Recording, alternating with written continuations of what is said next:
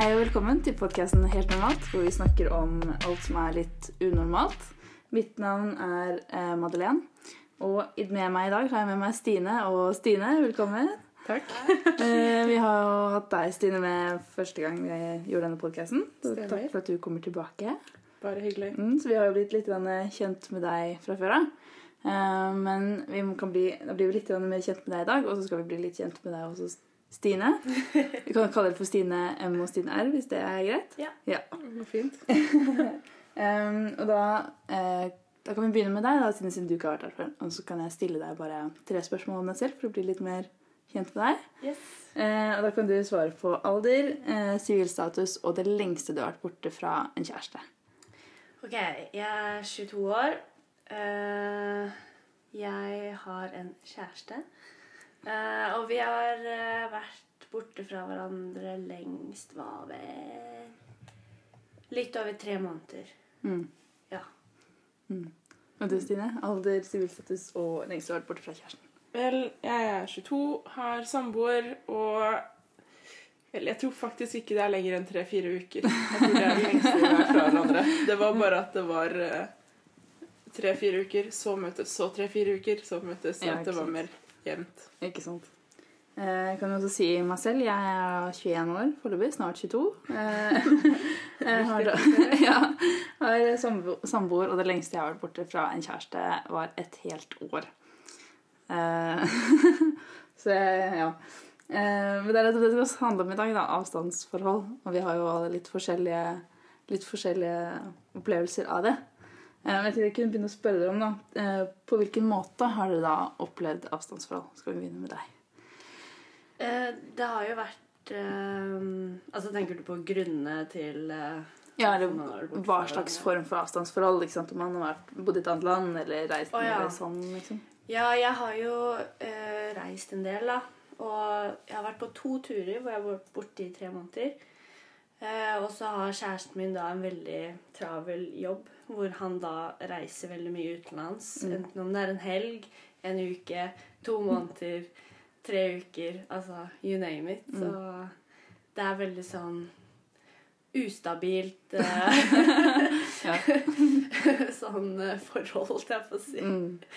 Um, men det har gått helt fint, faktisk. Mm. Ja, men det er godt å høre. Mm. Og du, Stine? Eh, nei, eneste måten vi hadde avstandsforhold på, var vel når uh, kjæresten min var i militæret.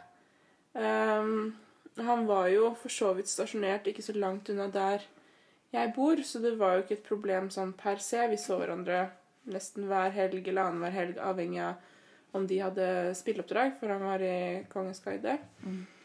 Uh, eller sånn type når de reiste utenlands, hvor da det var mest, eller hvis vi var opptatt en helg, eller hvis jeg var borte en, en helg de hadde fri. Mm. Typ, så da kunne det gå noen uker. Men utover det så var det mer det at uh, han var ikke konstant tilgjengelig i Nei. ukedagene heller. At når vi først ikke så hverandre, så kunne det gå en hel uke uten noe annet enn kanskje noen få nattameldinger, fordi han hadde ikke tid i hverdagen. Jeg føler mange opplever akkurat det med militæret. Det er jo mange som går gjennom. Du var heldig, da, som hadde han jo nesten bak huset ditt. eh. Ja, det var Omtrent. veldig flaks. Ti minutter unna med bil. Det er veldig deilig. Mm. Unnskyld, jeg er litt sånn på forkjøla. Um, men jo, du sa, Stine, at det, det er litt sånn ustabilt, for dere har ikke noe sånn faste Du vet ikke når han kommer fra borte, hvor lenge han er borte. Hvordan, Mm. hvordan takler du det, på en måte? Det er plutselig så Er han borte, liksom? Eller må han dra? Eller må du dra, for så vidt? uh, ja, meg er det ikke så stressende. Men uh, i starten så var det jo vanskelig. Det var veldig uvanlig. Sånn, vi har jo gått på sko ungdomsskole sammen, videregående sammen, og vi har Mm. gått i samme klasser, og så kommer liksom da friåret, og jeg plutselig reiser, og sånne ting. Og så har vi liksom vært sammen hele tiden konstant, og vi bor jo bare ti minutter unna hverandre. Mm. Eh, og gå, liksom. Ja. Og så Så det var jo litt vanskelig i starten. Um, med litt sånn ustabile reiser for, for, for hans del, da. Og sånt. Og noen ganger så visste han ikke når han skulle dra før dagen før, for Ja. Eh, men det, det har jo gått bra nå, nå som vi har blitt vant til det, og vi har liksom snakket ganske mye om det, og eh, prøver å få til liksom den kommunikasjonen, da, sånn Når han er borte, så var det viktig for meg at han også sendte melding til meg og spurte hvordan det gikk med meg, hvordan var min dag, Mm. uten at jeg alltid spurte han Oi, fortell om alt, og jobben din og dagen din, og hvor er du nå i landet? Mm. Hvor er du i verden? Og sånne ting, da. Så ja, det var liksom kommunikasjon. Mm. Det, Det er viktig. Yes. Mm. der har du det. Kommunikasjon. Mm. Ja, for som du sa, det ble et par nattommeldinger eh, her og der. Ja, for jeg kjenner meg veldig igjen i det du sa også. Det at uh, jeg som satt igjen, ikke skulle være den eneste som tok initiativet til å prate. Mm. Fordi sånn som når han var i militæret, så skjønte jeg at det skjedde mye hele tiden, og det var nye ting, og det var spennende ting, og da tenker man kanskje ikke helt over uh, å sende melding Si hjem, da. fordi man ikke legger merke til eh, savnet på samme måten. Fordi man er den som er opptatt. Mm. Da skjer det mye, og da får man ikke tid til å sitte og liksom tenke på Ja, nå var det veldig stille. Mm. Den type. Man blir liksom sittende og dra ut litt ord av dem, på en måte. Eller man, man blir alltid den som spør, på en måte. Eller? Ja, Mm. veldig der. Ja. Mm. Ja, for jeg, jeg var jo sammen med en som bodde i Serbia. Eh, som da bodde i Norge første ukene av forholdet, og så flyttet til Serbia fordi han hadde en far som jobbet i militæret. Eh, og som sagt, det lengste vi var borte, var da i ett år. Og da var det veldig sånn Det var veldig vanskelig. Kommunikasjon er jo, som du sier, Stine, liksom noe av det viktigste. Mm. Eh, og det å ikke alltid være den som måtte spørre. ja. For det blir, kan jo fort bli litt sånn ujevnt, da. Det blir sånn enveiskommunikasjon. Ja, ikke sant? Det blir jo noe til litt det hvis ikke begge to er liksom like måte, bevisst. Mm. De mener jo sikkert ikke noe med det alltid, men man føler det jo litt sånn hvis Mm. man er den eneste som tar kontakt. Og så er det jo det om man skal sette av bestemt tid, Mm. eller om man har en åpen nok hverdag til at begge bare plutselig har tid, eller kan sende noen meldinger, eller om Sånn som dere hadde jo et mer sånn avstandsforhold per se enn det vi kanskje har hatt. Mm. Eh, og det å faktisk sette seg ned og kanskje avtale Skype-perioder eller sessions og Mm. sånt noe. Mm. Jeg forsøkte. Ja. Det kom ikke gjennom. jeg. Husker det. Men sånn er det når man har litt ulike hverdager, og ja, det er vanskelig. Og man lever jo på en måte litt to liv, da. I hvert fall Mm. sånn som jeg opplevde det forholdet jeg hadde. Eh, Så var det litt sånn hadde et liv her, og så hadde han et liv, og så var det litt sånn Mm. Så hadde vi et liv sammen de gangene vi var sammen, og så var det sånn, ja. Ja, for det var rundt den perioden når jeg ble kjent med dere. Mm. Og jeg tror det tok meg et halvt år fra jeg ble kjent med deg til jeg innså at du hadde kjæreste. Ja, ikke sant. Jeg var jo ikke til stede noen steder. Vi var jo ikke sammen på Facebook heller før ganske lenge etterpå, tror jeg. Ja. Så Ja, det var Det husker jeg. Det var Mm. mye snakk om det. ja. For der var det litt sånn uh, ujevnt med hva vi ville. Mm. Og han prioriterte mye vennene sine og syntes det var viktig og sånn. Jeg skjønte det, men det er sånn Hallo, jeg er kjæresten din. Mm. Men hvordan. Bare for å spørre spørsmål jeg også holdt Ja, på å si. Dette er en Eh, samtale. Hvordan uh, opplevde du det i starten versus liksom litt lenger ut? For jeg tenker at det må bli lettere, men det oppstår også andre typer problemer. I Ja. starten så er det mer sånn intenst savn, kanskje, Mm. men etter hvert så blir det mer kommunikasjonsproblemene eller følelsen av at man ikke At det ikke blir satt av tid til deg, kanskje, eller sånne type ting. Ja, nei, for I begynnelsen så var det skikkelig som du sier, det var skikkelig intense sånne følelser, og livet var bare helt jævlig. og... Og var skikkelig, det var, Han dro jo rett før sommerferien, så jeg hadde jo en skikkelig dritt sommer, for å si det mildt. Det var liksom bare satt hjemme og bare stirret til taket og bare Herregud, hva skjer? Uh, men uh, etter hvert så blir man jo på en måte vant til det, og det blir på en måte den nye normalen. Men jeg føler at det, det var som du sier, da. Han prioriterte vennene sine over meg, og da mens jeg brukte all min tid på å tenke på han. Og da var det litt sånn ujevnt med hvor mye energi vi brukte på hverandre. Mm. Og jeg, jeg tror helt ærlig at hvis vi hadde bodd i samme land eller i samme by, så tror jeg ikke vi hadde vart i tre år som det vi endte opp med å gjøre. Nettopp fordi at den avstanden overdøvet litt andre problemer som var der. Men Man skylder liksom alt på den avstanden, fordi det er liksom det største problemet man har. da. Enig i det. Mm. Jeg tror også ikke det hadde vart så lenge. Nei. Da trengte dere liksom ikke konfrontere de andre problemene fordi dere var Ja. så langt unna uansett. Det var på en måte så lett å bare ignorere de og bare ikke snakke med hverandre hvis man var sur på hverandre. Og så så man jo ikke til dem. Det er sånn, sånn som du og kjæresten din, da, dere gikk jo på samme skole og sånne ting. Da. Det er sånn, hvis, det, hvis dere hadde kranglet dagen før, så kunne dere ikke unngå hverandre Nei. på skolen. Mens eh, når man har liksom sånn skikkelig oss, så er det sånn Det er bare å slå av Facebook, liksom, og så Ja, og bare tvinge seg selv til bare la det gå. Ja. Fordi det funker ikke gjennom Skype eller telefon eller Nei, ikke sant. I hvert fall ikke SMS-er eller meldinger. Altså, det Det Bare er døden. Ja, ja, ja, Meldinger. Ikke sant. Uff, nei. Sant, sant. Men en ting som overrasket meg, da, var det at når folk spurte meg ja, har du kjæreste, så var det sånn ja, har kjæreste, han bor i Serbia, bla, bla, bla. Så husker jeg det var mange som reagerte sånn å ja, men så fint, da kan du bare gjøre det du vil, da. Mange liksom antok med en gang at, at jeg bare var sånn løp rundt og hadde meg med alle andre, liksom. Bare fordi jeg hadde et avstandsforhold. Du hadde masse, masse frihet. Ja. Mm. Og det var jo ikke sånn jeg så på det i det hele tatt. For jeg, altså, jeg, jeg kan jo ærlig si at jeg ikke var utro en eneste gang på de tre årene. Som jeg tenker ettertid egentlig ganske godt gjort. Mm. I og med at jeg så han kanskje fire ganger i Jeg kan perioder. være vitne til det. Ja, Ja. ikke sant. Jeg bare husker På en måte så var dere jo mer kjærester på papiret, på en måte. Eller på Facebook. På Facebook, ja. På Facebook og per SMS, holdt jeg på å si. eh, Mm. Sånn. Enn Mm. i dagliglivet. Ja. Dere var jo ikke egentlig tilgjengelige eller til stede i hverandres dagligliv. Og Nei, ikke det hele tatt. man kan jo holde ut det en periode, men jeg kjenner flere andre også som har hatt eh, avstandsforhold. Eh, og da noen som har vært over forskjellige land. Men i det ene tilfellet så hadde ingen av partene noen tanke om å flytte til den andres land. Og Mm. likevel så holdt de ute i halvannet år før de fant ut at uh, siden ingen ville til den andre, Mm. så var det ikke noe vits å fortsette forholdet. Mm. Ja, men det var også sånn som jeg hadde det. Fordi han eh, hadde tenkt planer om å komme tilbake til Norge. Mm. Men så var det dette med penger, og så var det ikke noen skole som man kunne komme inn på, eller sånne ting. Og så tror jeg kanskje han ikke ville det, så han jobbet ikke sånn så hardt for å få det til. Og det er jo litt sånn døden for et sånt forhold, da. At hvis ikke det skjer noen gang, så Mm. kan man ikke leve fra hverandre så lenge. Men tror du at hvis han hadde vært klar på mye tidligere, at han ikke hadde noen planer om å komme tilbake til Norge, at dere hadde vært så lenge? Kanskje. Jeg vet ikke. Det er veldig vanskelig å si. Det er sant. For det er på en måte Det er en trygghet det også på en måte ha kjæreste uansett hvordan man har det. Man bare vet at det er noen der som er glad i seg. Og det er på en måte Har noen å falle tilbake på uansett hva. Det holdt liksom akkurat der og da i det Mm. livet. Og så må jeg tenke på at dere var ganske unge også. Ja, Jeg var jo videregående ikke sant. tid.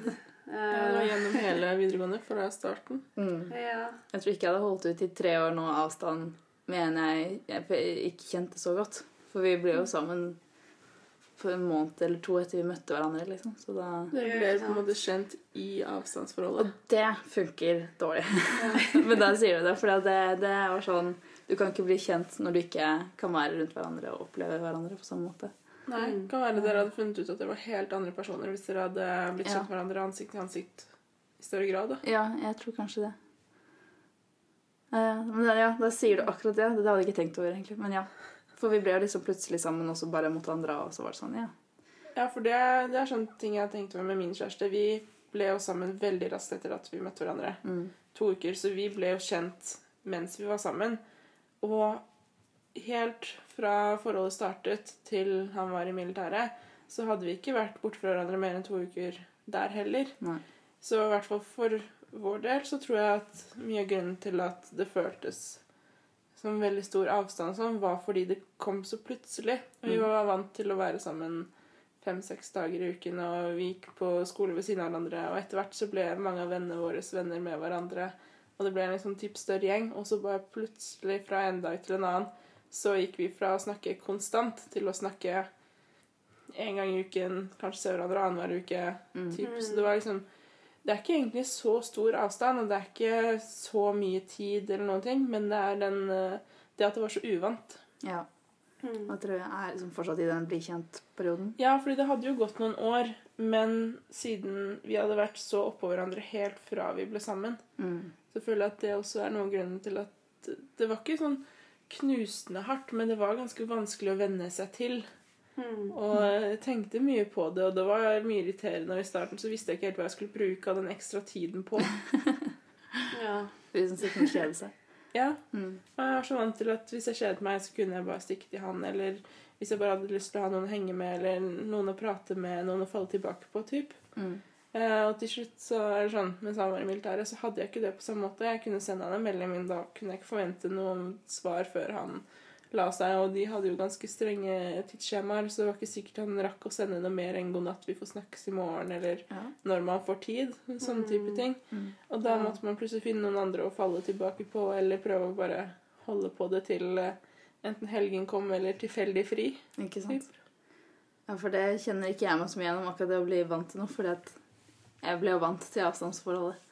Det var det som ble liksom hovedtingen.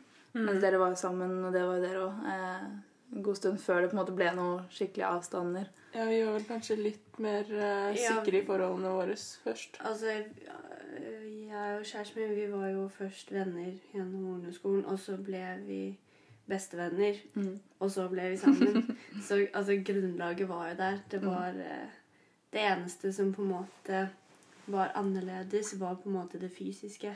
Ja. Det seksuelle og, Mm. og sånne ting. Det Blir ikke noe telefonsex. eh. Faktisk ikke. det syns jeg er sykt kleint. ja, det skjønner jeg. Jeg må si meg litt enig. Ja. Det er aldri klart. Det er litt sånn unaturlig, men ja. Ja, men deg? Du er den som hadde lengst avstand helt til Serbia. Prøvde Ja. dere det? Nei, aldri.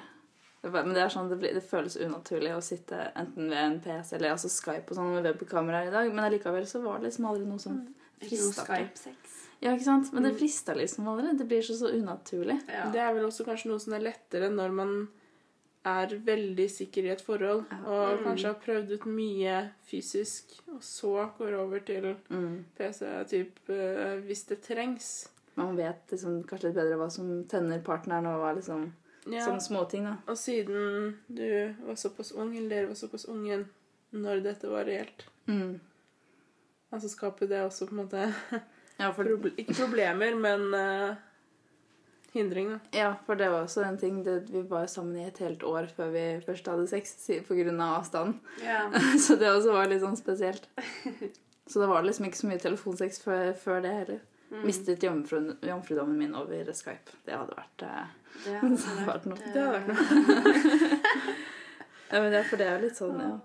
Det er på en måte ingenting kan erstatte den ordentlig liksom, fysiske nærheten Nei. man har til noen over Skype. Men er det noe jeg har lært, så er det tålmodighet. Mm. Jeg er veldig tålmodig. Eh, og så har jeg lært Og den tiden som du, Stine, der snakket om, den ekstra tiden, Mm. så har jeg lært at hmm, jeg kan bruke den på venner. Jeg kan Mm. bruke den på meg selv og familie. Sånn Er det en hobby du alltid har hatt lyst til å gjøre, så bare kjør på. Og så har jeg også funnet ut at jeg har vært mye mindre med venner før. Og det har jeg ikke tenkt over. Mm. Og så når han driver og drar rundt på reiser og turneer og ja, you name it, så, så får jeg tid til å være med venner og ha jentekvelder og Mm. dra til byen og, og sånne ting. Og det er, det er så hyggelig. Og eksempel overnattinger hos andre venninner. Det hadde ikke jeg gjort på flere år. Altså, det samme her. Ja, altså det kunne jeg ikke huske sist gang jeg hadde gjort. Og så plutselig så var det liksom to netter der og én natt der og, så, og sånne ting. Og det var, det var så hyggelig, for jeg følte at jeg fikk mitt eget liv også da. Mm. Og, og han fikk sitt liv i tillegg. At vi um, utviklet oss på hver vår kant. Og så har vi vært selvfølgelig heldige nok til å vokse sammen Mm. i tillegg, da. Så da, da har vi vært veldig heldige. Um, også det med å bare ha sitt eget liv. At jeg kan kanskje hente ham på Gardermoen og sånne ting, men jeg kjører ham fortsatt hjem. Uh, og så dagen etter så drar jeg med noen venninner, Mm. for eksempel. Eh, jeg avlyser ikke planer med Ja. venner bare fordi han kommer tilbake. Ikke sant. Altså Ja, sånn at du har ditt eget liv, og ikke bare sitter og venter på han. Mm. Og hva han gjør med sitt liv. Ikke måte. sant? For det var mer sånn før. Når, uh, I starten, da. Man Mm. begynte å dra liksom bort en helg og så en uke. Og jeg husker å, han dro jo to uker i desember og kom Ja. hjem lille julaften. Ja. Det var ikke kult, altså. For jeg er så julete av meg. Altså, jul er den beste tiden på hele jorda. Og så kommer jeg jo i lille julaften. Da fikk jeg henta han i hvert fall, da. Men uh, det var skikkelig dritt, altså. Men det funka også greit, hvis du skjønner. Sånn, det, var, det var bra også fordi jeg hadde eksamen. Så da fikk jeg liksom fokusert mye mer på eksamen og lese og, og, og sånne ting. Mm.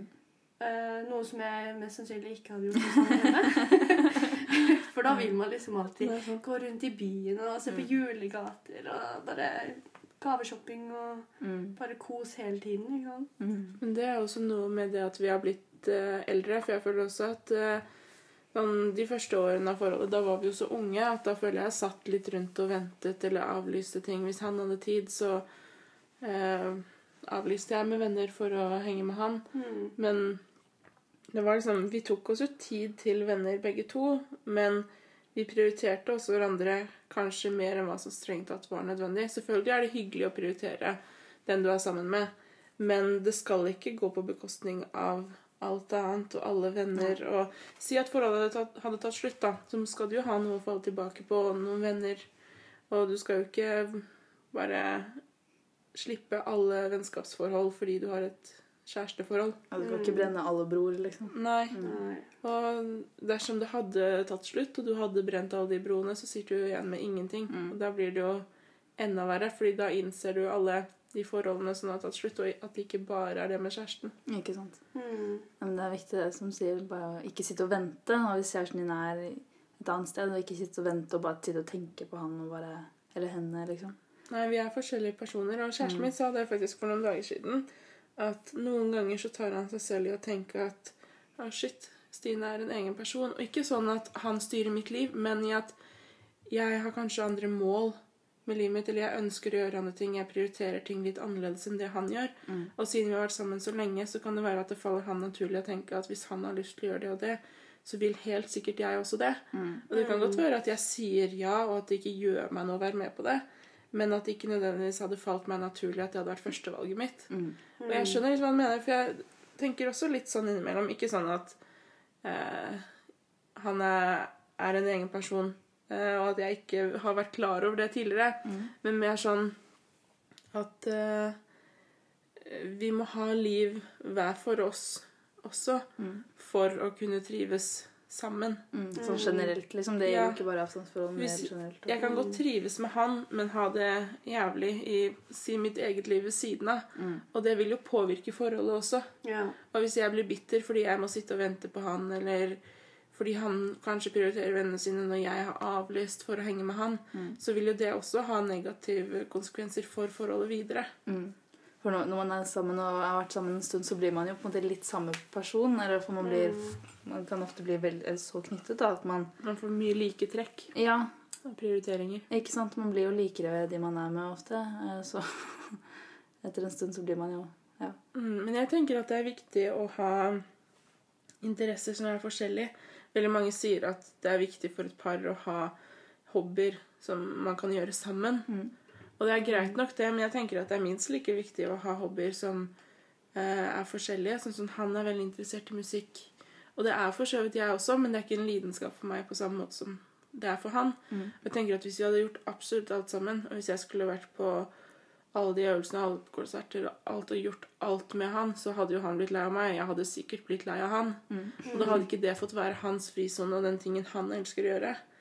Men jeg er veldig glad for at jeg har mine egne ting der også, sånn at han ikke er oppi hele tiden. Så det er viktig med litt avstand også, rett og slett. Ja, Mm. Ja. ja, det har faktisk hjulpet oss eh, mer. Sånn, vi krangler ikke like mye som vi gjorde før. Mm. og sånne ting, Men det er, det er fordi vi har lært oss Det er ikke bare at vi liksom unngår å snakke om det, men det er litt det der begrepet 'pick your battles'. Mm. ikke sant? At du blir mer sånn tålmodig og oversiktlig og tenker OK, skal jeg si noe på dette her, eller skal jeg bare la det gå? Mm. Fordi er det virkelig verdt det? Er det ikke? Mm. Um, og derfor liker jeg den avstanden, for den har lært meg å på en måte bli litt mer voksen. da, Mm. I å dømme om man skal krangle om det eller ikke, og, og, og sånne ting. Og så er det selvfølgelig viktig å si ifra hvis det er noe, selv om personen er langt borte, så er det veldig viktig å si ifra hvis det er noe som virkelig sårer deg, eller man blir lei seg, eller Plager deg på Ja, en måte. det er, det er kjempeviktig. Man skal aldri la det gå. Ja, det er sant. Og heller ikke vente til personen kommer hjem. Nei. Det var kaos. Det er ikke sant. Det er også, du føler at avstandsforholdet har gjort forholdet generelt sterkere? Ja, Mm. egentlig. Mm. For da, nå har vi blitt med to, to personer som også har et samliv. Hvis du skjønner? At Mm.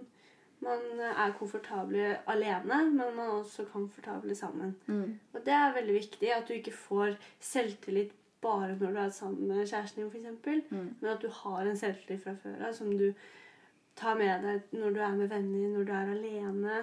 Og, og sånne ting. Og det tenker jeg er veldig viktig, spesielt hvis du studerer ved siden av eller noe. da, At du har den selvtilliten på skolen og, og Mm. klare å mestre ting og, og sånt. Mm. En kjæreste skal jo ikke være noen som holder deg oppe, men noen du kan lene deg på. Mm. mm. Så det er viktig at du på en måte kan stå på egne ben, da, ja. for å bruke metaforer.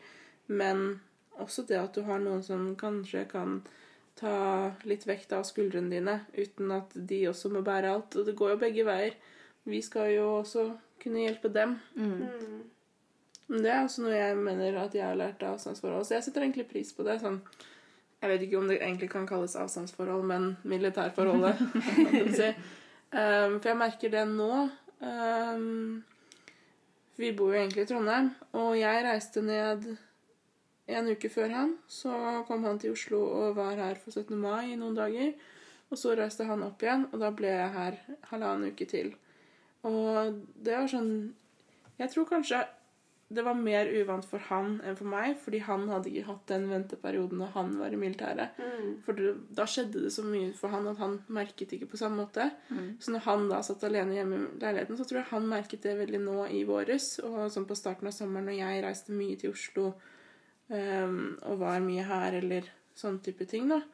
Mens for meg så var det nesten litt sånn deilig på en Ikke sånn 'å, når jeg er fri for kjæresten'-type måte. Mm. Men det at jeg kunne gjøre det uten at det var skikkelig tungt. Mm. Og at jeg savnet han så mye at det var en frihet jeg ikke hadde. Mm. Og for eksempel, jeg var en uh, uke i Amsterdam med, en med en venninne. Og det var ikke engang en tanke å skulle ta med han. Og for noen år siden så hadde det kanskje vært til stede. Ja. Ja. Så du har, lært, du har hatt den erfaringen fra før av, og så merker du at å ja, Mm. nå går det mye lettere. Ja, Så jeg vil jo så fremdeles velge å være med han, men jeg må ikke på samme måte. Mm. Ja, det har jeg også merka. Det er kjempedeilig.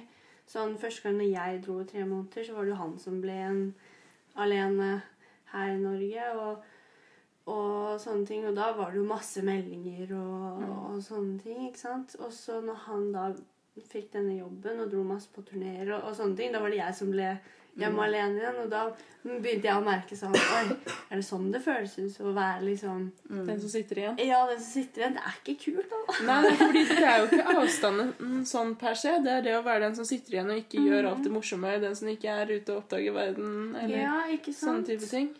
Så, men det er jo absolutt en veldig god erfaring. Mm. Det Ja, er det tenker jeg òg. Nå opplever jo, eller kjæresten min opplevde litt det i våre, så jeg tenker at det er en erfaring alle burde ha i større eller mindre grad. Mm. Sånn, Om det så er å bo i forskjellige land eller reise noen måneder, eller om det bare er å ta noen uker.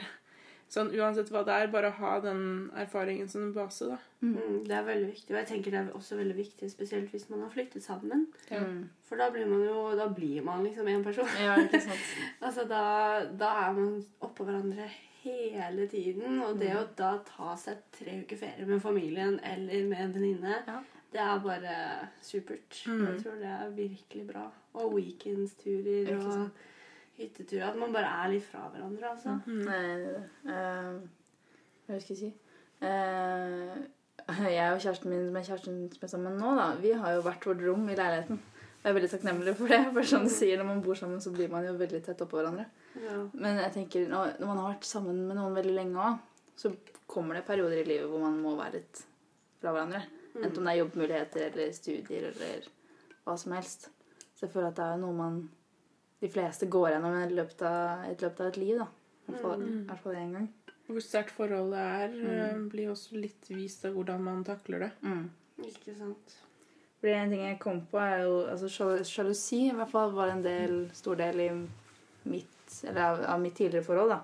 Det avstandsforholdet i tre år. Jeg vet ikke dere, om dere har vært innom noe sjalusi i løpet av de periodene? Sånn på andre mennesker eller bare på andre ting, rett og slett? Ikke så mye for min del. Eh, Det var jo jenter i militæret. Eh, Men det var jo flest gutter. Og han bodde jo på et gutterom, og jeg ble kjent med mange av de, og flere av guttene hadde kjærester. Og noen av guttene og jentene som var der, ble sammen også. Mm. Så det var liksom ikke Jeg vet ikke. Jeg følte ikke at det var noe å være sjalu på. Jeg var nesten mer sjalu på selve militæret og guttene han ble venner med der, fordi de fikk all tiden hans, og det gjorde ikke jeg. Men jeg, utenom det så opplevde ikke jeg noen sånn type sjalusi. Jeg tror ikke jeg hadde muligheten til det på samme Mm. måte. Hmm. Har du opplevd noe? uh, nei, altså, jeg er ikke så veldig sjalu person. Jeg har nesten ikke følt på følelsen. Så det, det er veldig digg, egentlig. Mm. Men altså, jeg, jeg kan jo se for meg situasjoner der jeg kunne ha blitt sjalu. Eh, altså, jobben hans er jo å dra rundt på turné. Turné er konserter, det er backstage, det er dansere, det er jenter, det er crazy Groupies. Ja, ikke sant? Altså, du har, og disse jentefansene og, Mm. og, og sånne type ting, da. Og så det er jo selvfølgelig Altså afterparties. Herregud, Mhm. ikke glem afterparties. så er det jo liksom mange potensielle situasjoner man kunne bli sjalu på. Ja. Men siden det er så mye av det, så er det sånn Jeg orker ikke. Nei. ja, men så, det var veldig greit. Det er, det er liksom Hvorfor skal jeg gjøre det når jeg Mm. stoler 100 på han? Ja. Og jeg stoler selvfølgelig ikke på de andre, men jeg bryr meg ikke. Det, det er liksom det, da. Det hørtes veldig deilig ut. Det er veldig deilig. Og det er liksom da Mm. Da trenger jeg ikke å tenke en tanke på det, og så kan han gjøre jobben sin uten at jeg skal være sånn her bitchy, masete kjærestekjerring som driver og kjefter på ham fordi han la ut en snap av en halvnaken jente som dansa, liksom. Eller ja, who knows. Altså liksom Sånne type ting, da. Mm. Det, jeg vil jo ikke ødelegge for hans karriere eller hans arbeidsliv ved å tilføre mer stress. Nei, ikke sant. For dere, dere har jo vært sammen i en periode før han begynte å reise. Ja. Så dere har jo på en måte fått establisha den tryggheten. da. Som du Mm. sier, du stoler 100% på han. Og det, Ja, mm. absolutt. Og jeg vet at han også stoler 100% på meg. Ja. Sånn, jeg kan si det høyt. ja, ikke sant? Vi er der, liksom. Ja, ja. Det er veldig viktig, da. Også både fordi hvis du hadde vært en mer sjalu person, så hadde det sikkert vært et større problem. Mm. Men selv om du ikke er en sjalu person, så hadde det sikkert vært et stort problem hvis du ikke var trygg i forholdet òg. Mm, Det har utrolig mye å si. Mm. Sånn Spesielt på avstandsforhold, så det å være trygg i et forhold da, det betyr mye. ja, for jeg tror ikke jeg var det. Mm. Jeg husker det hvis han la ut noen bilder hvor han sto og holdt rundt en jente, eller sånt, og så klikka jeg i vinkel. ikke sant? For jeg bare, Hva er det du driver med? For jeg var også veldig følsom på sånne ting. Mm. Siden jeg fra før av var litt usikker på det forholdet. Det var mye annet som skjedde. Ja, for Hadde du vært trygg i det forholdet, så hadde du kanskje ikke reagert like Ja. mye. Jeg har bare tenkt bare, «Å, ja, ja, ikke sant som du sier, det er bare det er folk, det er liksom, man bryr seg ikke. Det, Mm. Men jeg tror ikke vi stolte helt på hverandre siden vi Etter at vi ble sammen, så hadde vi et par uker før han reiste, og etter det så så jeg han ikke på et år, så det var på en måte begrenset med muligheter på å lære seg å kjenne personen og stole på og sånne ting. Ja. Så jeg tror nok det er litt viktig, som du sier, å kanskje ha et godt forhold da, før man eventuelt tar på seg den avstanden. Det, Mm. det er noe helt annet. Og så er, tenker jeg også at det er veldig viktig å på en måte gå litt inn i seg selv og tenke hvilken person vil jeg være? Hvilken person vil jeg liksom Hvilken kjæreste vil jeg være til kjæresten min, da? Mm. Uh, og jeg har da kommet fram til at jeg har ikke lyst til at min masing eller kjefting eller sånne ting skal på en måte komme i veien for hans karriere eller jobbliv. Og det, det tenker jeg egentlig er ganske greit. Og, samme, og det samme gjør han mot meg. At han skal ikke komme i veien for min karriere, studieliv og Ja, Det er veldig viktig. For det blir jo litt sånn du må tenke at hvordan hadde du reagert hvis han hadde vært i veien Ikke sant? for din karriere og vært den som var sjalu, og den som påpekte at nei, du kan ikke henge med de og de guttene, eller Ja, jeg være hadde venn med de og de. klikka. Mm. Altså, sånn tåler ikke jeg. Da, da blir jeg bare så sur. Ikke sant?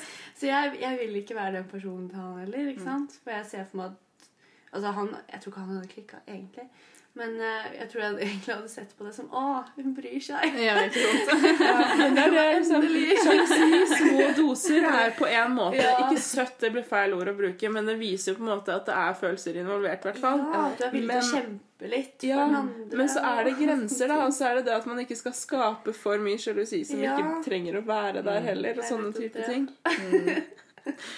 Det er sånn jeg merker med en gang, sånn som du sier, at du, dere er mye eldre enn det jeg var når jeg var i det avstandsforholdet. Og Jeg kjenner på det du sier, at det er mye mer modent, den innstillingen du har nå, enn det jeg hadde da jeg gikk liksom første klasse videregående. Ja, ja. Kanskje vi også har lært av å se litt på Kanskje ditt forhold eller andres forhold. Og alt man det var- tar jo med seg erfaringer. Jeg husker at ofte når det liksom skjer sånn situasjoner hvor jeg ikke nødvendigvis blir sjalu, men hvor jeg blir irritert eller liksom, hvor jeg reagerer på en spesiell måte, da, så er det innimellom jeg tar meg og tenker at nå ligner jeg skikkelig på den og den karakteren fra den skikkelig klissete TV-drama-serien, eller eh, jeg har ikke lyst til å være en av de jentene. Eller sånn, jeg tenker spesifikt på det. da, at Nei, å, det var skikkelig klisjé. Sånn har jeg ikke lyst til å være. Mm. Mm. Og det, det tror jeg ikke hadde tenkt over eller vært bevisst på for si fire år siden, f.eks. Nei, jeg var ikke det i det hele tatt. Nei. Jeg var en sånn skikkelig kinaputt, liksom. Klikka i vinkel, alt mulig. Og nei, gud a meg. Det er så. Ja, det er sånn, Jeg tok meg nær av omtrent alt, tror jeg. Ja. Vi har vokst. Heldigvis. Og jeg er veldig glad, fordi før så, så var kjæresten min veldig sjalu. Eh, og jeg er veldig glad for at han ikke er det nå lenger. Mm. Fordi jeg klikka jo totalt, ikke sant? Altså knuste mobiler Helt kaos. Helt kaos. Og sånne ting. Fordi jeg er Altså, jeg tror liksom ikke at jeg av natur er så veldig sjalu. Så når andre på en måte blir sjalu for det jeg gjør, så forstår jeg det ikke, og så blir jeg veldig sur. Mm. For det er liksom Hallo, det er bare et annet menneske. Mm. Sånn. Ja. Hvis man henger med en gutt, eller altså, du er på fester og snakker med en annen gutt, du sitter ved siden av altså, Sitter i armkroken til og med. Altså, det er liksom Det går helt fint for meg. Mm. Jeg bryr meg ikke. Mm. Og da burde ikke du bry deg heller. For jeg vet hva jeg gjør. Det er sånn jeg tar meg selv i nå, fordi jeg er en ganske tactile person, eller jeg liker kroppskontakt. Bare sånn, Det kan være å klemme på eller bare sitte og lene meg inntil noen. eller sånt. Og jeg har alltid hatt veldig mye guttevenner. Eh, og sånn, Jeg tar meg i at eh, jeg er redd for at kjæresten min skal bli sjalu. Eller ikke redd for, men jeg har lyst til å ta hensyn til det. Fordi jeg har ikke lyst til å gjøre noe som gjør at han blir sjalu uh, utover det han må. Så jeg pleier liksom å passe på at han vet at de og de, si både gutter og jenter, da, er bare gode venner av meg eller noen jeg er veldig glad i. Og bare passe på at han er komfortabel med det nivået av liksom Fysisk kontakt. Ja, fordi jeg har mange guttevenner jeg kan sitte i armkroken på uten at det betyr noe som helst mer. Men da er det viktig for meg at han vet at det ikke er noe mer. Og vi er trygge på hverandre og alt det der. Og jeg tror ikke han bryr seg i det hele tatt. Fordi når jeg sier det til han, så er han sånn Ja, men jeg er klar over det. Det, det gjør ingenting. Det går fint. Så det er bare en sånn usikkerhet jeg har, for jeg syns det er så viktig at han ikke skal bli usikker på det.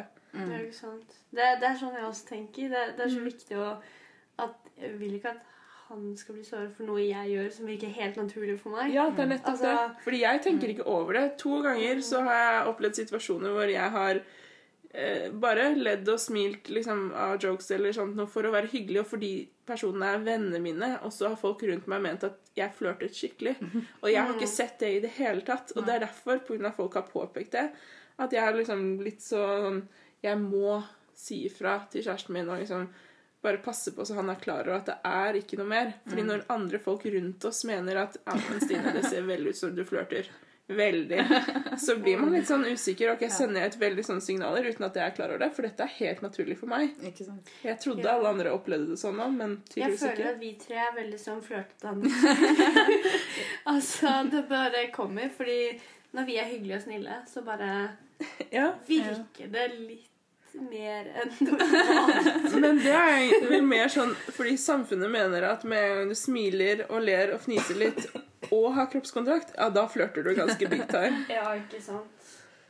Jo, Men det er litt sånn der, som sier, bare at man er litt bevisst på de egne handlingene man gjør. da. Mm. Ja, begge veier sånn sett. Men Jeg tenkte vi kunne sa sånn, for litt sånn, litt sånn litt for å oppsummere litt sånn for, Største fordelen og ulempen ved å være ved ha, eller har vært i et avstandsforhold. da. Mm. Om dere har noen gode innspill. Vel, jeg tenker at den største ulempen er vel usikkerheten. Eh, hvis man ikke klarer å jobbe seg gjennom den, og de problemene som kan oppstå hvis man ikke faktisk tar tak i de, og ikke jobber seg gjennom det, eller ikke får muligheten til å jobbe seg gjennom det. Mens den største gevinsten, eller fordelen med det, er vel det at eh, eh, man blir litt mer selvstendig, og man får lære å være litt for seg selv i et forhold. Og kjenne litt på det. Sånn, for det kommer alltid til å oppstå situasjoner gjennom livet hvor det vil være avstand i større eller mindre grad. Si jobbreiser eller sånt når vi blir, når vi blir eldre. Eller si vi får unger, og den ene skal bli med ungene på en tur, og den andre må bli og jobbe. eller sånne type ting. Det kommer alltid til å oppstå situasjoner i livet hvor man har en viss avstand sånn. Og det å bare bli vant til det, eller lære hvordan man skal håndtere det, og bli trygg i forhold til det, tror jeg er veldig, veldig viktig. Mm. Enig. Mm. Jeg tenker også sånn Altså, ulempen er jo For meg var veldig det der savnet. Og da jeg har vært utereist, så har det vært litt sånn Du får hjemlengsel, men du får hjemlengsel fordi du savner én person, Mm. ikke, ikke hjemmet ditt, liksom. Mm. Eh, så det har jo vært liksom mest vanskeligste. da.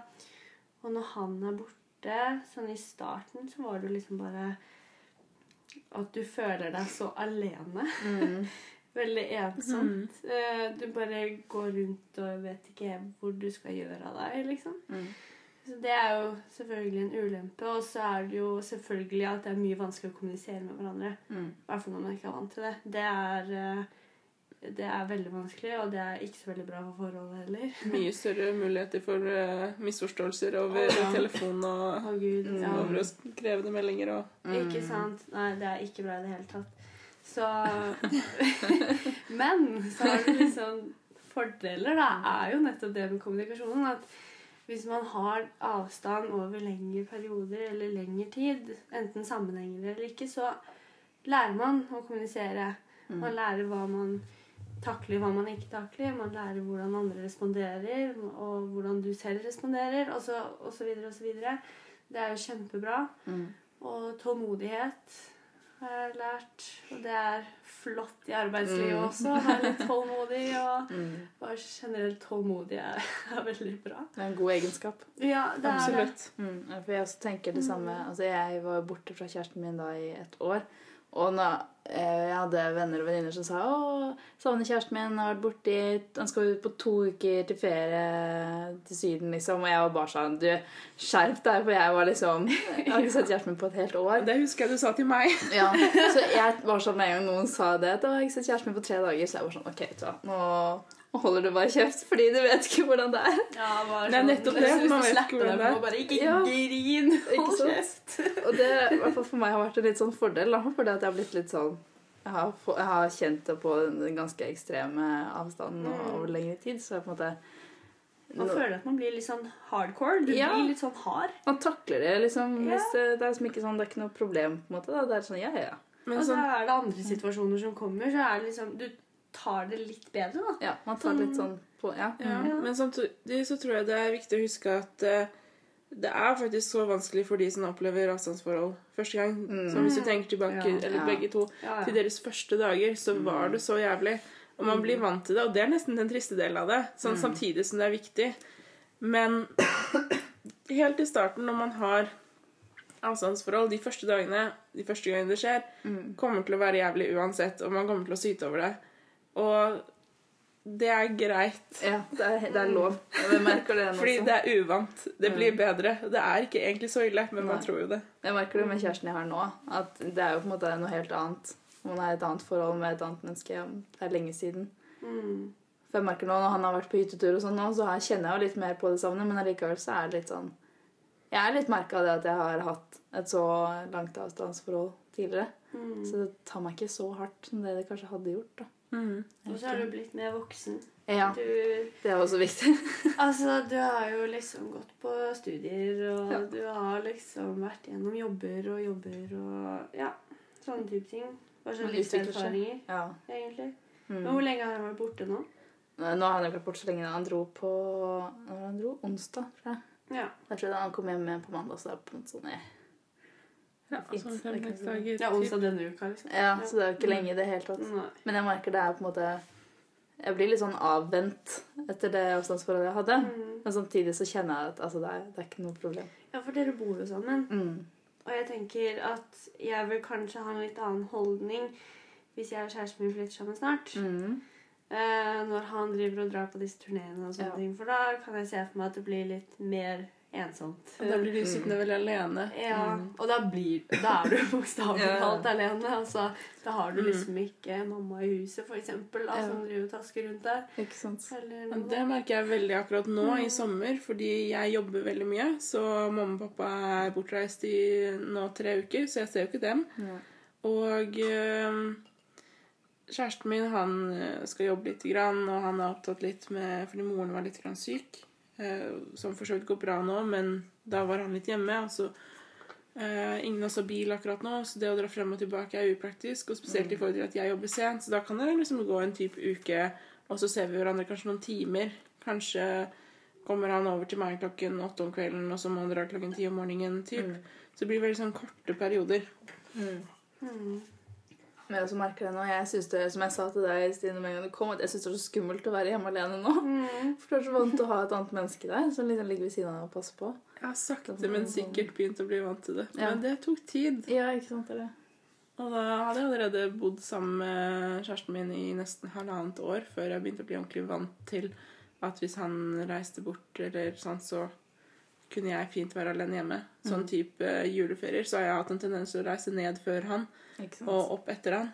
Men så plutselig ble det omvendt, og da ble jeg sittende igjen alene i leiligheten, og det var helt stille. Ja. Mm. Og det var veldig uvant i starten. Nå er jeg jo alene hjemme i det store huset til mamma og pappa. Mm. Eh, Det føles veldig stort, men uh, helt alene. Men på en måte er det litt frigjørende også. ja, det er det. Med en gang man kommer bort fra skrekken at oi, jeg er her helt, helt alene.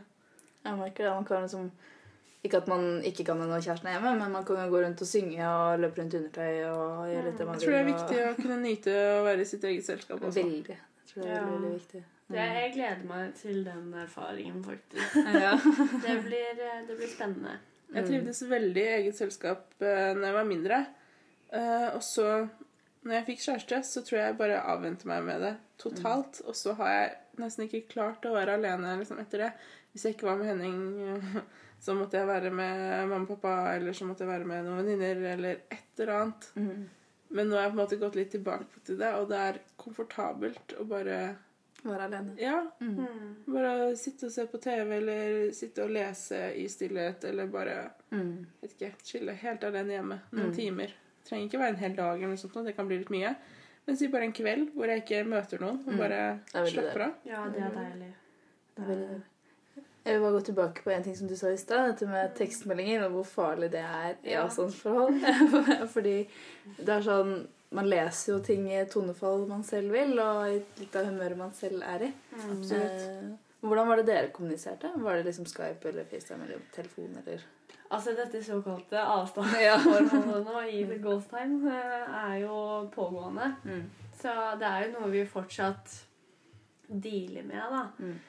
Eh, dette med SMS-er og meldinger og sånt, det, det er jo fortsatt vanskelig. Mm. Eh, altså, det var kanskje for en uke siden, da. Da var han borte i tre uker sammenhengende. Og så reagerte jeg på en melding. For jeg, jeg tolket det som jeg ville ha skrevet det, på en måte. Og så eh, ble det liksom en sånn skikkelig misforståelse. Men det ble på en måte også en krangel, for det var ingen av oss som på en måte uh, identifiserte at dette var en misforståelse, da. Mm. Um, så det har jo vært flere ganger hvor jeg liksom spør ok, er du sur nå, eller er du ikke sur. Mm. Og så sier jeg nei, jeg er ikke sur i det hele tatt. Ja, men er du glad, liksom? Altså, er du, er du full fart og yes, livet er bra, liksom? Mm. Og så er han sånn ja. Og jeg bare hæ? det er ikke det jeg leste.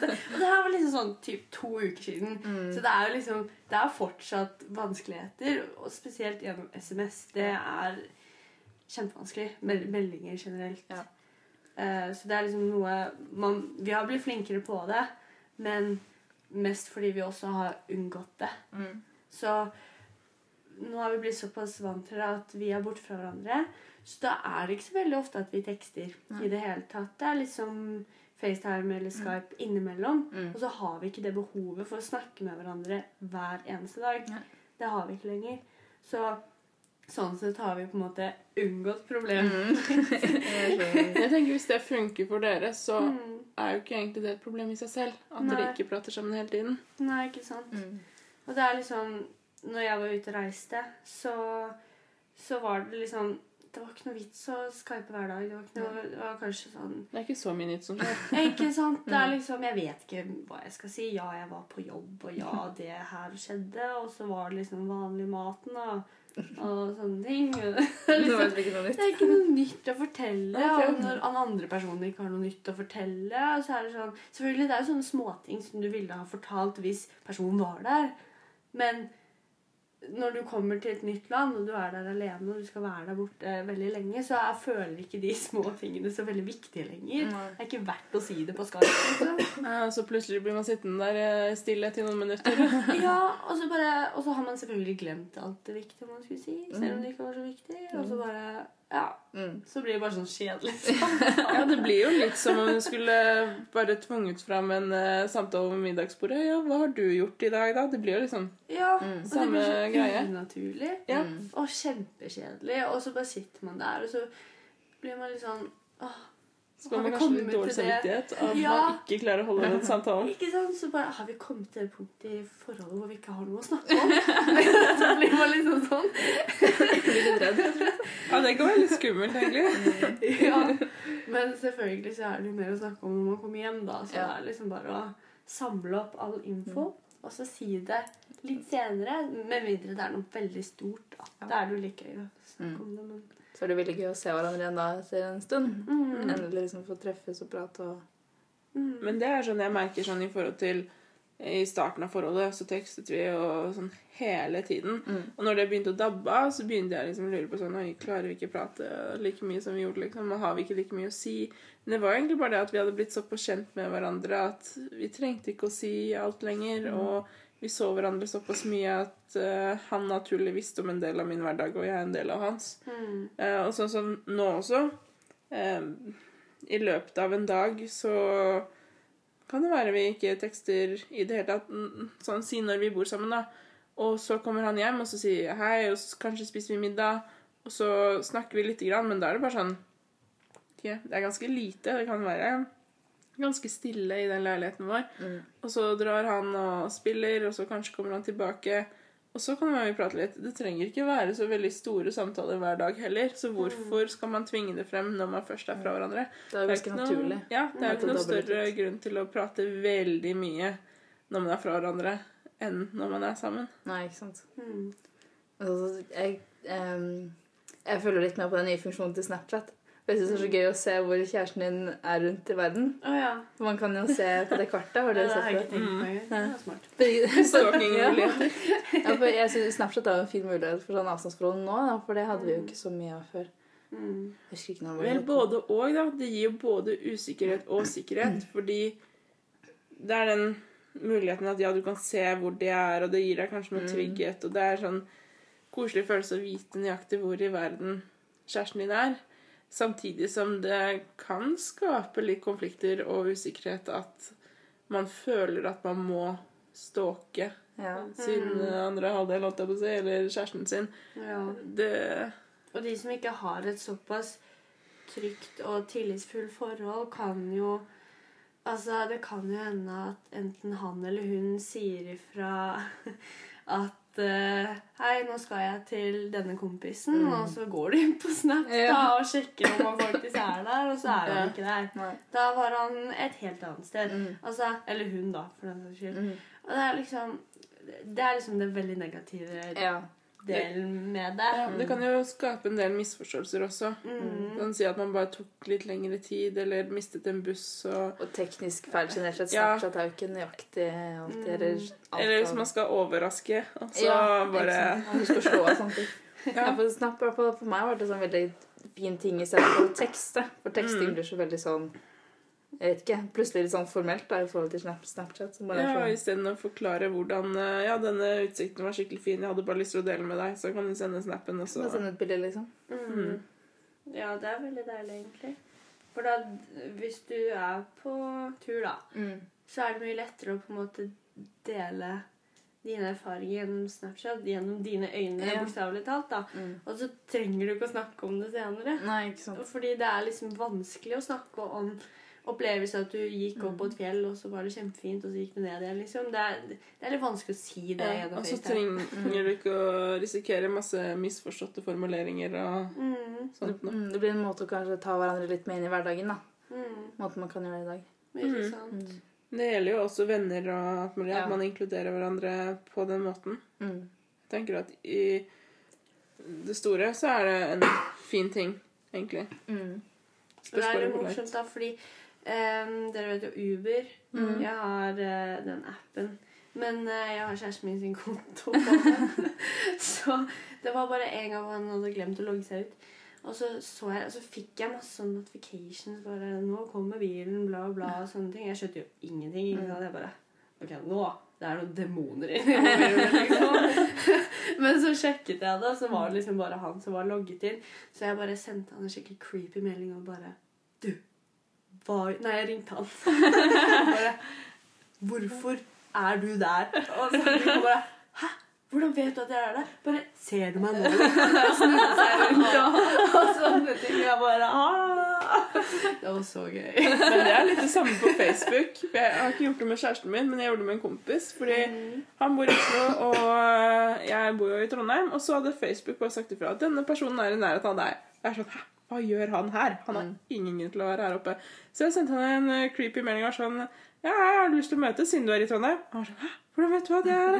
Sånn type ting. Det er dritgøy. Men altså, sånn som det med Uber, da. Altså, det kunne jo vært et veldig bra stalker-apparat. Altså sånn Du får til og med adressen Ja, ikke sant. Liksom, til hvor de er, og hvor de skal. Det er egentlig veldig skummelt. Det er veldig jeg. skummelt. Og så har jeg bare liksom kødder litt med det, men nå orker jeg ikke mer. Er kanskje litt lurt å unngå det, kanskje. Ja.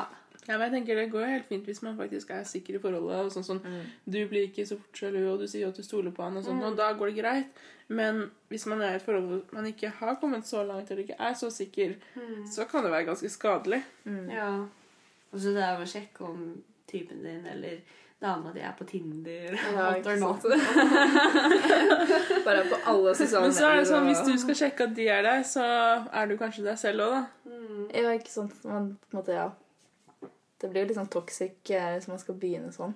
Ja. Ja, Da blir det en konkurranse, på en måte. Ja, og da, er det er jo et tydelig tegn på at man kanskje bør ta en prat Ja. ja, og snakke litt sammen. Absolutt.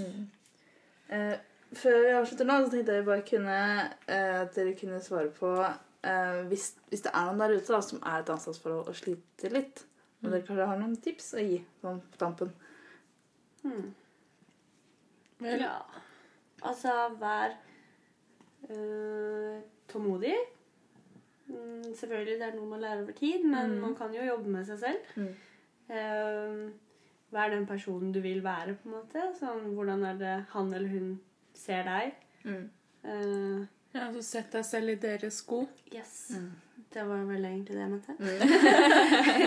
det, er, det er ganske viktig, tenker jeg. Mm. Men også hvis du har eh, Hvis du savner personen, hvis det er potensiell krangel, altså et eller annet sånn Én, pick your battles, men også si ifra. Mm.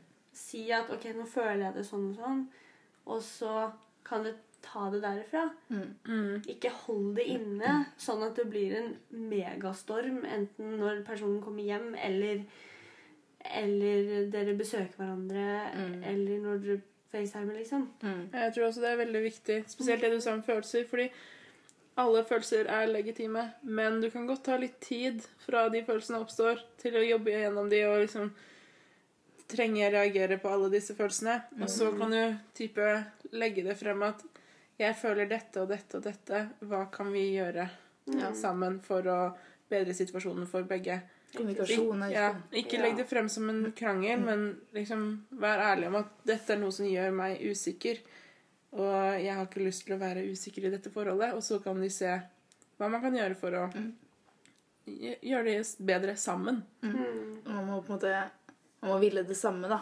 Mm. Hvis en er mer med enn andre, så blir det jo ujevnt. Men at man på en måte vet Det vil også alltid være naturlig at den som er mye opptatt, og den som er bortreist, har mindre behov for å sjekke opp Mm. med den som sitter igjen. For den som sitter igjen, vil alltid være den som har det eller føler seg mest ensom eller tom. Ja, Og da er det viktig for begge to at de forstår den andre. Mm. At den som reiser, forstår at det kan bli litt ensomt for den som sitter igjen, men også at den som sitter igjen, forstår at de andre ikke føler på det samme behovet, og at det ikke faller dem naturlig.